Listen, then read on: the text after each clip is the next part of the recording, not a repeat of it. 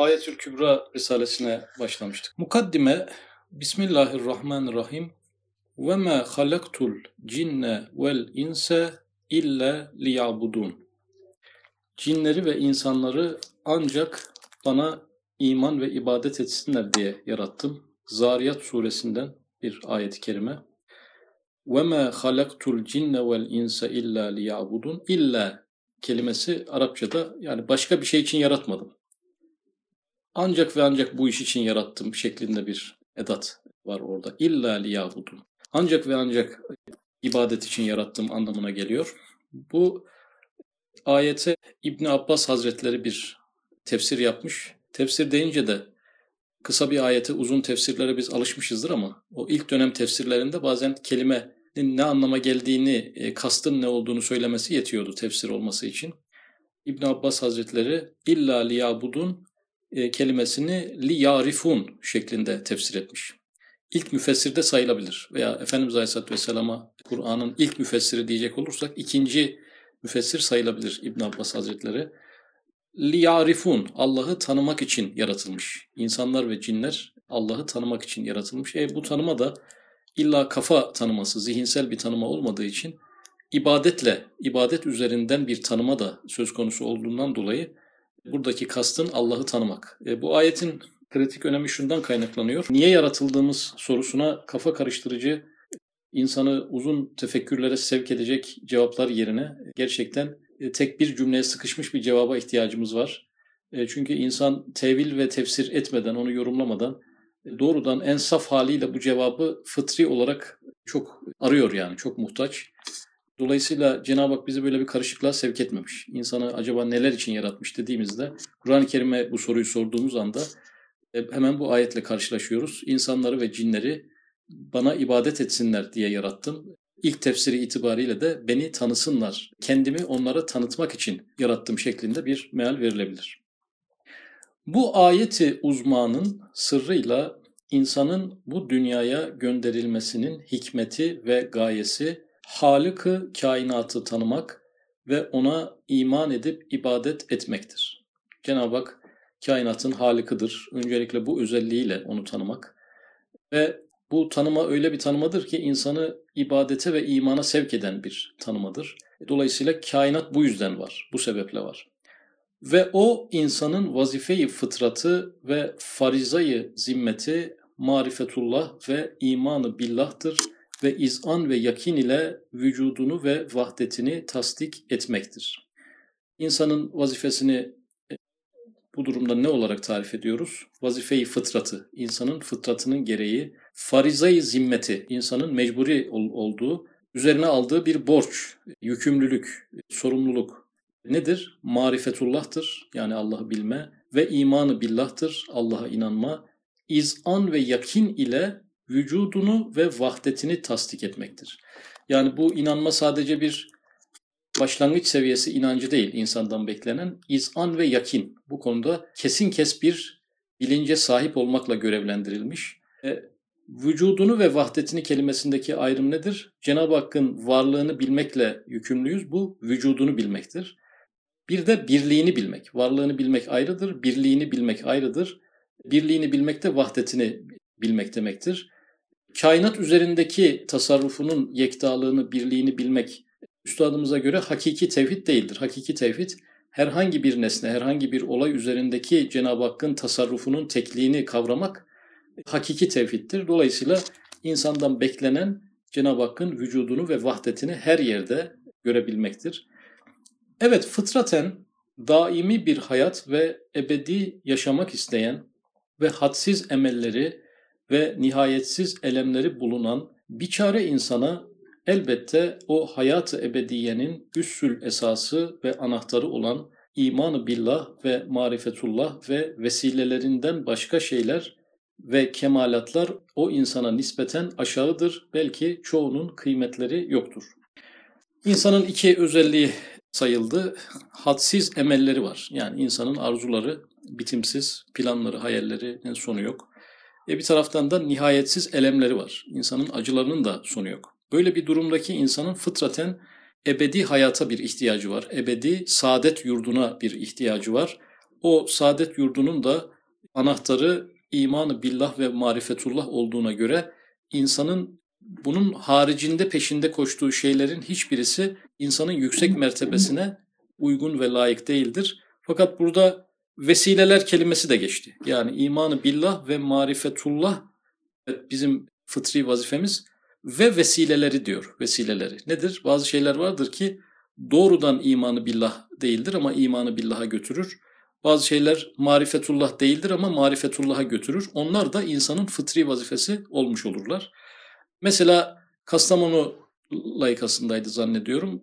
Bazı gençler geldiler. Muallimlerimiz Allah'tan bahsetmiyorlar dediler diye başlayan bir pasaj vardı. Üstadımız orada her bir fen, her bir ilim Cenab-ı Hakk'ın isim ve sıfatlarının şerhi ve izahıdır. Muallimlerinizi o niyetle dinleyiniz. Böyle dinlerseniz Allah'ı Allah'ın esma ve sıfatlarına dair bir ders dinlemiş olursunuz demişti. Dolayısıyla burada insanoğlunun bilim ve sanatla alakalı olan meşgaleleri de şayet o insanlar bunu marifetullah'a ve imanı billaha basamak yapmayı becerebiliyorlarsa, manayı ismiyle değil de manayı harfiyle mevzuya bakabiliyorlarsa onlar da insanın fıtri vazifeleri olur. Fıtri vazifelerine vesilelik eden, kaynaklık eden insanın yüce meşgaleleri haline gelirler. Bunun dışındaki şeyler insana nispeten aşağıdır diyor. Yani insanın seviyesinin altında kalan meşgalelerdir. Belki çoğunun kıymetleri yoktur diyor. Şimdi madem ki vazifemiz Allah'ı bilmektir, nereden bileceğiz? Cenab-ı Hakk'ın zatını bilmek hem insanı aşkın bir hadise hem de bir noktada yasaklanmış. Yani zatı üzerindeki tefekkür yasaklanmış ama sıfat ve esması ve efalleri üzerindeki tefekkür teşvik edilmiş. E, biz Cenab-ı Hak fıtri vazifemiz olan bilmek ve tanımak e, yolculuğunda ne yapmamız gerekiyor? Kainatı tefekkür etmemiz gerekiyor öncelikle. Ayetül Kübra Risalesi de kainat üzerinden, o büyük ayetler üzerinden Cenab-ı Hakk'ı tanıma yolculuğu olduğu için bu mukaddimenin bu iki paragrafı aslında diğer bölümlerin bir girişi sayılabilir. Bir e, uzun demeyelim de kısa bir kesiti burada atlıyorum ben. Ayetül Kübra Risalesi'nin kendisine geçmek için mukaddimeyi bu iki paragraftan sonra atlamış oldum. Şimdi normal şeye başlıyorum. Arkadaşların önünde şayet metin varsa bakarlarsa iyi olur.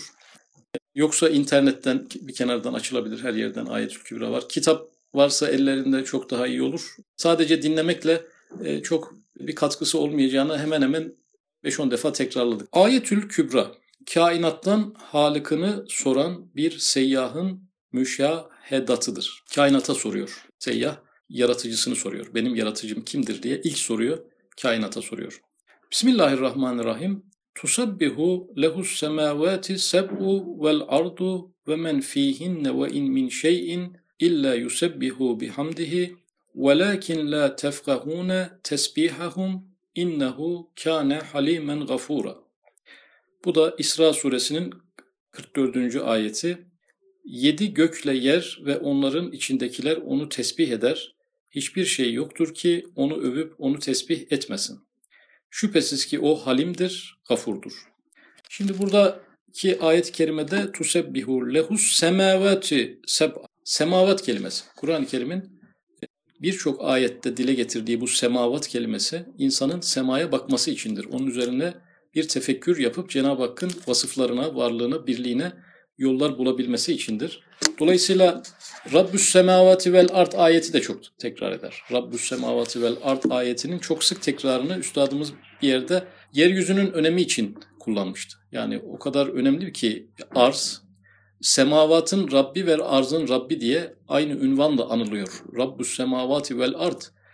Halbuki yeryüzü semanın yanında ne ifade eder ki? Ama e, Rabbimiz kendi vasfını Rabbüs semavati vel art diyerek birçok kez tekrar ettiği için üstadımız onu yeryüzünün Allah katındaki kainata denk önemini ifade etmek için o ayeti tefsir ediyordu. Ama burada e, yine semavatla başlayan bir ayetin mealini yaparken aslında sema üzerinden büyük bir ayet, ayetül kübra, e, belki 19 mertebede 19 tane varlıktaki ayeti inceleyeceğiz ama birincisi semavat olacak yani. Birinci ayet. İlk başta Allah'ı tanımak isteyen ilk önce semavattan, evrenden, evrendeki o büyük ayetlerden başlaması lazım. Neden? Çünkü Kur'an-ı Kerim Cenab-ı Hakk'ı anlatırken hep semadan başlıyor öncelikle. Sonra yeryüzündeki nimetlere getiriyor sözü.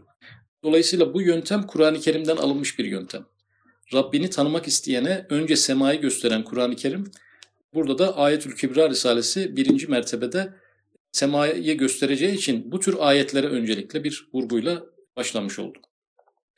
Bu ikinci makam, bu ayeti muazzamayı tefsir etmekle beraber tay edilen Arabi birinci makamın bürhanlarını ve hüccetlerini ve tercümesini ve kısa bir mealini beyan eder şöyle ki. Ve bu ayetteki sema kelimesine odaklanıyoruz. Bu ayeti muazzama gibi pek çok ayat-ı Kur'aniye bu kainat halikını bildirmek cihetiyle her vakit ve herkesin en çok hayretle bakıp zevkle mütalaa ettiği en parlak bir sahife-i tevhid olan semavatı en başta zikretmelerinden en başta ona başlamak muvafıktır. Neden 19 tane fizik alemdeki ayetten ilk başta sema alakalı olanı geldi? Çünkü Kur'an-ı Kerim böyle yapıyor. Üstadımız da o zaman diyor bizim start noktamızı burası olarak belirlememiz daha uygundur. Evet bu dünya memleketine ve misafirhanesine gelen her bir misafir. Şimdi biz dünyaya gelmişiz. Bu dünyanın misafirlerinden biriyiz. E, üstadımız uzayı, galaksileri, yıldızları anlatmaya başlayacağına dair bir hazırlık yapmışken öncelikle dünyadan bahsedecek bir paragraf. Neden?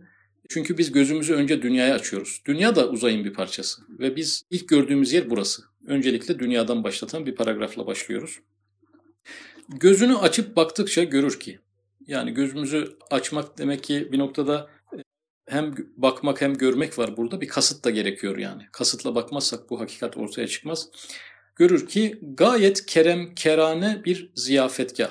Yani dünyaya bakınca ne görülüyor çıplak gözle? İlk dünyaya gelen bebeği demiyorum da yani aklı başına gelmiş bir insan 15 yaşında bir çocuk düşünelim yani dünya veya dünyayı bir anlığına sıfır vaktinde inceleyen bir uzaylı düşünelim yani. Buradaki hareketliliği objektif bir e, gözle e, gözlemleyen birini de düşünebiliriz. Ziyafetgah var burada. Bir sofra kuruluyor. Her gün defalarca kuruluyor, kaldırılıyor. Ve gayet sanatkarane bir teşhirgah. Yani sadece sofra kurulmuyor. Burada bir sanat galerisi de var. Cenab-ı Hak nimetlerini kaba saba çirkin olarak göndermemiş.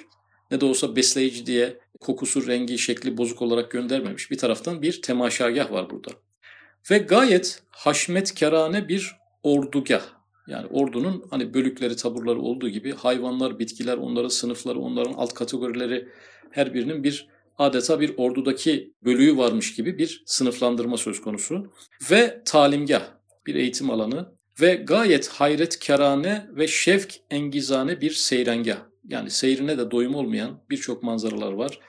Ve temaşagah ve gayet manidarane ve hikmet perverane bir mütalagah. Yani bir kitapmış gibi herhangi bir nesneyi alsak, incelemeye çalışsak, onun derinliğine indiğimiz zaman daha e, geniş bir dünya bulduğumuz için burada hikmet ve mana yani bu kadar güzel olabilirdi, lezzetli olabilirdi, doyurucu olabilirdi ama manalı olmayabilirdi. Derinlikli olmayabilirdi. Fakat onlar da var.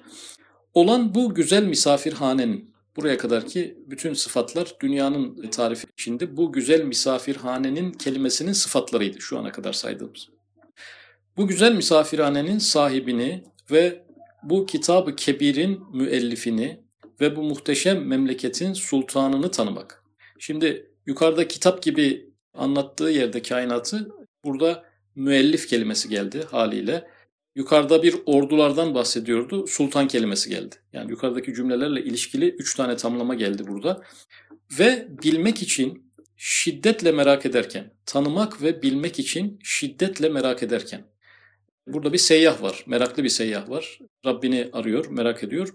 Demek ki tanımakla bilmek arasında da bir fark var. Yani Cenab-ı Hakk'ın varlığını kabullenmek ayrı bir şey, onun vasıflarını, isimlerini kabullenmek ayrı bir şey.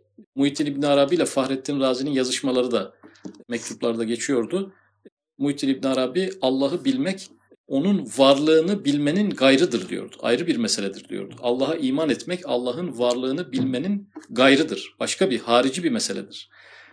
Oysa birçok insan Allah'ın varlığını bilmekle Allah'a iman ettiğini düşünür. Halbuki varlığına inanmanın birçok başka gerekçeleri de vardır. Yani birçok insan kafayı karıştırmamak için var diyebilir. Bazıları işine gelmediği için var diyebilir. Bazıları yerine bir şey koyamadığı için var diyebilir. Bazıları hoşuna gitmediği halde var diyebilir. Çatışarak var diyebilir. Bunların hiçbirisi iman kategorisinde olmadığı için burada tanımak ve bilmek. Hani devletlerin devletleri tanıması gibi. Tanımak ne demektir? Kabullenmek. Yani müminin Cenab-ı Hakk'ı bilmesi bir aynı zamanda bir kabullenmedir de. Bir rahatsızlıktan arınmış bir bilmedir. Yoksa sadece teknik bir bilmeye iman e, gözüyle bakamıyoruz.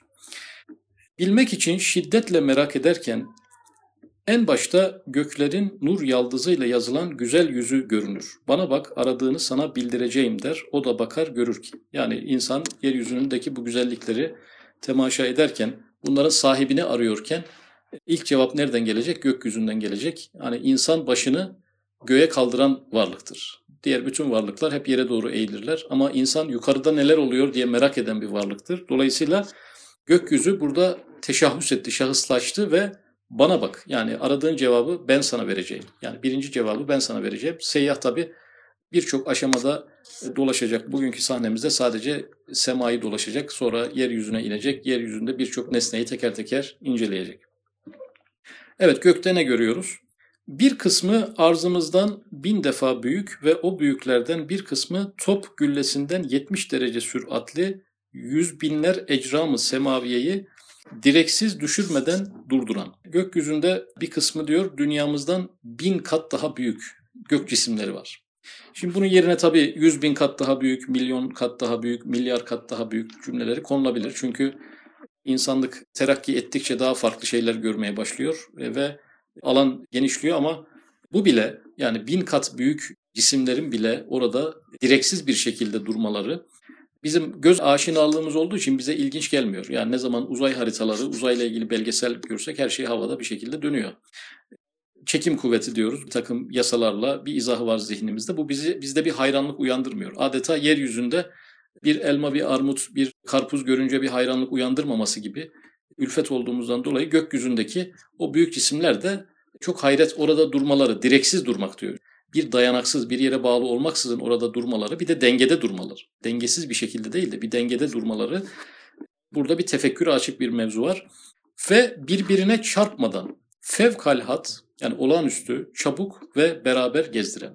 Yani milyarlarca sistem, galaksi iç içe beraber farklı yörüngelerde düzenlerini bozmadan müthiş bir denge içerisinde hiçbir görünür irade olmaksızın bir orkestranın harika bir şeyi çaldığını düşünelim ama güya ortada bir nota, bir orkestra şefi yokmuş gibi kendiliğinden herkes rastgele çalıyor ama müzik harika çıkıyor gibi bir evrenin ahengi, herkesin gözüyle gördüğü, seyretmekten zevk aldığı, belgesellere yerleştirmeye doyamadıkları muhteşem bir ahenk görüyoruz. Yağsız söndürmeden mütemadiyen o hadsiz lambaları yandıran, yani onların artık yıldızların ısı ve ışık kaynağı olmaları ve sönmeden Elbette hepsinin bir sonu var bir noktada ama sürekli yanan cisimlerin bizim elimizde olmaksızın güneşin yakıtının hiçbir zaman bitmeden orada duruyor olması bir tesadüf olamaz yani. Çünkü onun bitmesiyle bizim her şeyimiz biter. Bütün hayatımız mahvolur. Bırakalım bitmesini biraz ışığının azalması bile dünyada birçok dengeyi alt üst edebilir.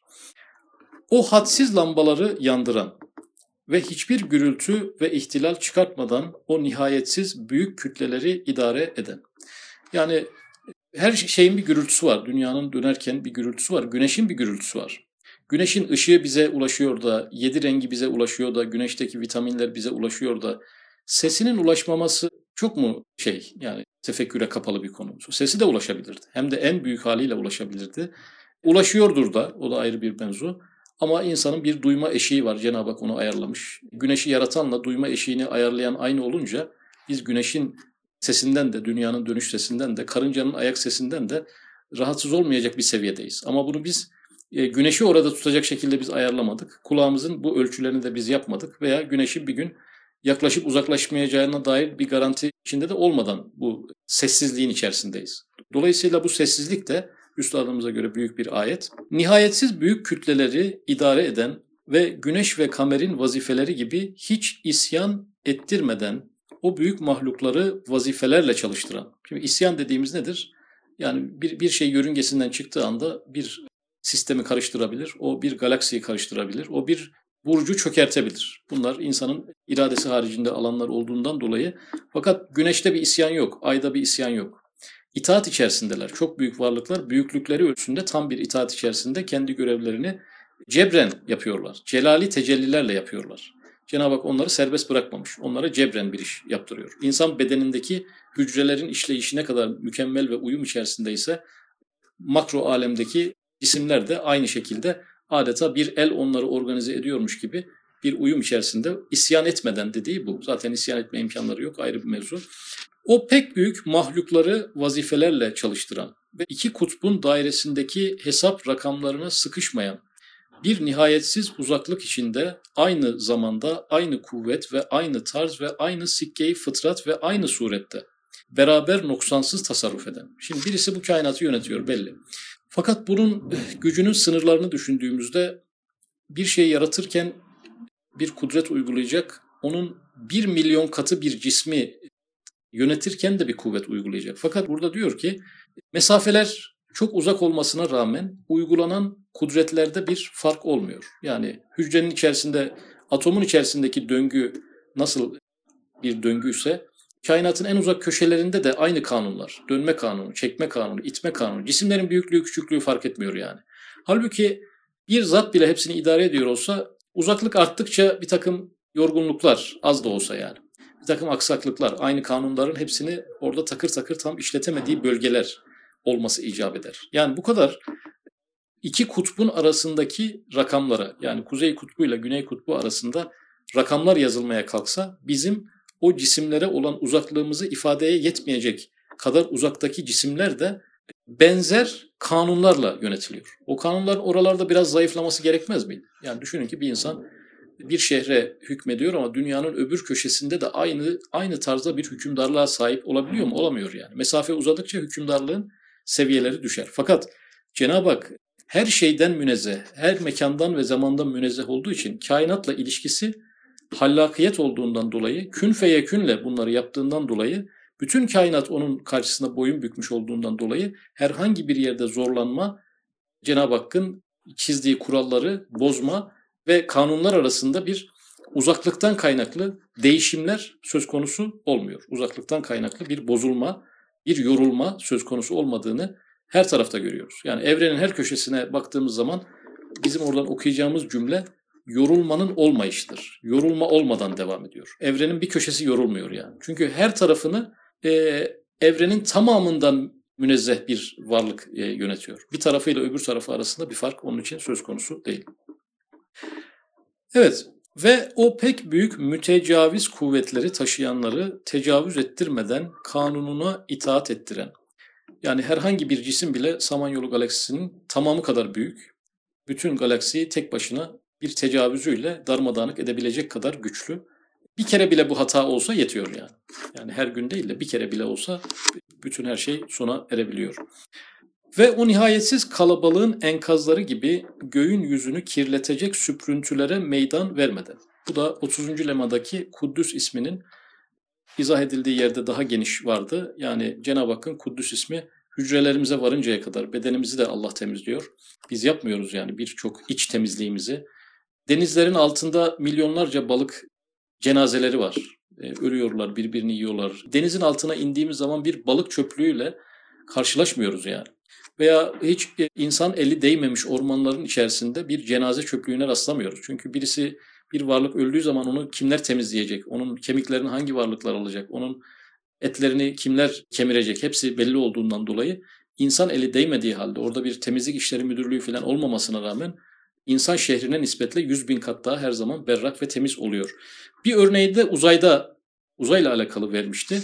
Tabii yok olan işte ışığı biten, düşen, birçok yıldız işi biten e, cisimler olduğu halde e, gökyüzünde bir e, çöplük, evren çöplüğü, bir yıldızlar çöplüğü, bir galaksiler çöplüğü, birikmiş atıl e, bir şeye rastlamıyoruz. Neden? Onlar da aynı şekilde Kuddus ismiyle başka bir sistem tarafından insan eli değmeksizin, herhangi bir varlığın elde değmeksizin oradaki paklık ve temizlik bozulmuyor. O olsaydı yani olsaydı böyle bir çöküntülü, bir arızalı bir taraf. Kur'an-ı Kerim gözünü kaldır da bak defalarca bak. Gözlerin yorulacak ama bir kusur bulamayacaksın diyor. Yani kusur orada yok. Kusur nerede var? İnsan eylemlerinin cüz'i iradesinin karıştığı yerlerde var. Onun dışında cebren yönetilen bir kainat olduğu için buralarda bir kusur olmayacaktır. Pek güzel temizlettiren ve muntazam bir ordu manevrası gibi manevrayla gezdiren ve arzı döndürmesiyle o haşmetli manevranın başka bir surette hakiki ve hayali tarzlarını her gece ve her sene sinema levhaları gibi seyirci mahlukatına gösteren. Şimdi biz de e, hayali ve hakiki bir tarzdan bahsediyor. Şimdi ne oluyor, nasıl dönüyorlar, nasıl harika dönüyorlar, nasıl harika e, bir ahenk içerisindeki bütün evrendeki varlıklar hareket ediyorlar sorusunun cevabını hakiki kelimesini kullandı. Biz de bir gezegenin, biz bir gök cisminin üzerindeyiz. Bizimki ne kadar ahenkle dönüyorsa, yani yaza yaza bitirilemeyen ahenk, evrenin diğer varlıkları da işte böyle bir ahenkle dönüyor. Demek ki o dönmeyi bize nasip etmiş ki evrenin tamamını anlayabilelim diye bir kıyas yapmak adına. Bir de hayali, yani dünyadaki dönüşü hakikaten yaşıyoruz ama diğer varlıkların vasıflarını da, diğer gök cisimlerindeki durumlarını da bilgi bize gelmiş olsa bile sonuç itibariyle zihnimizle yaşamadan, hayalimizle ancak onları kurgulayabiliyoruz. Dolayısıyla her gece ve her sene diyor. Yani geceyi anladık. Dünyanın dönüşünü Cenab-ı Hak bize hissettirdiği bir dönüş bu yani.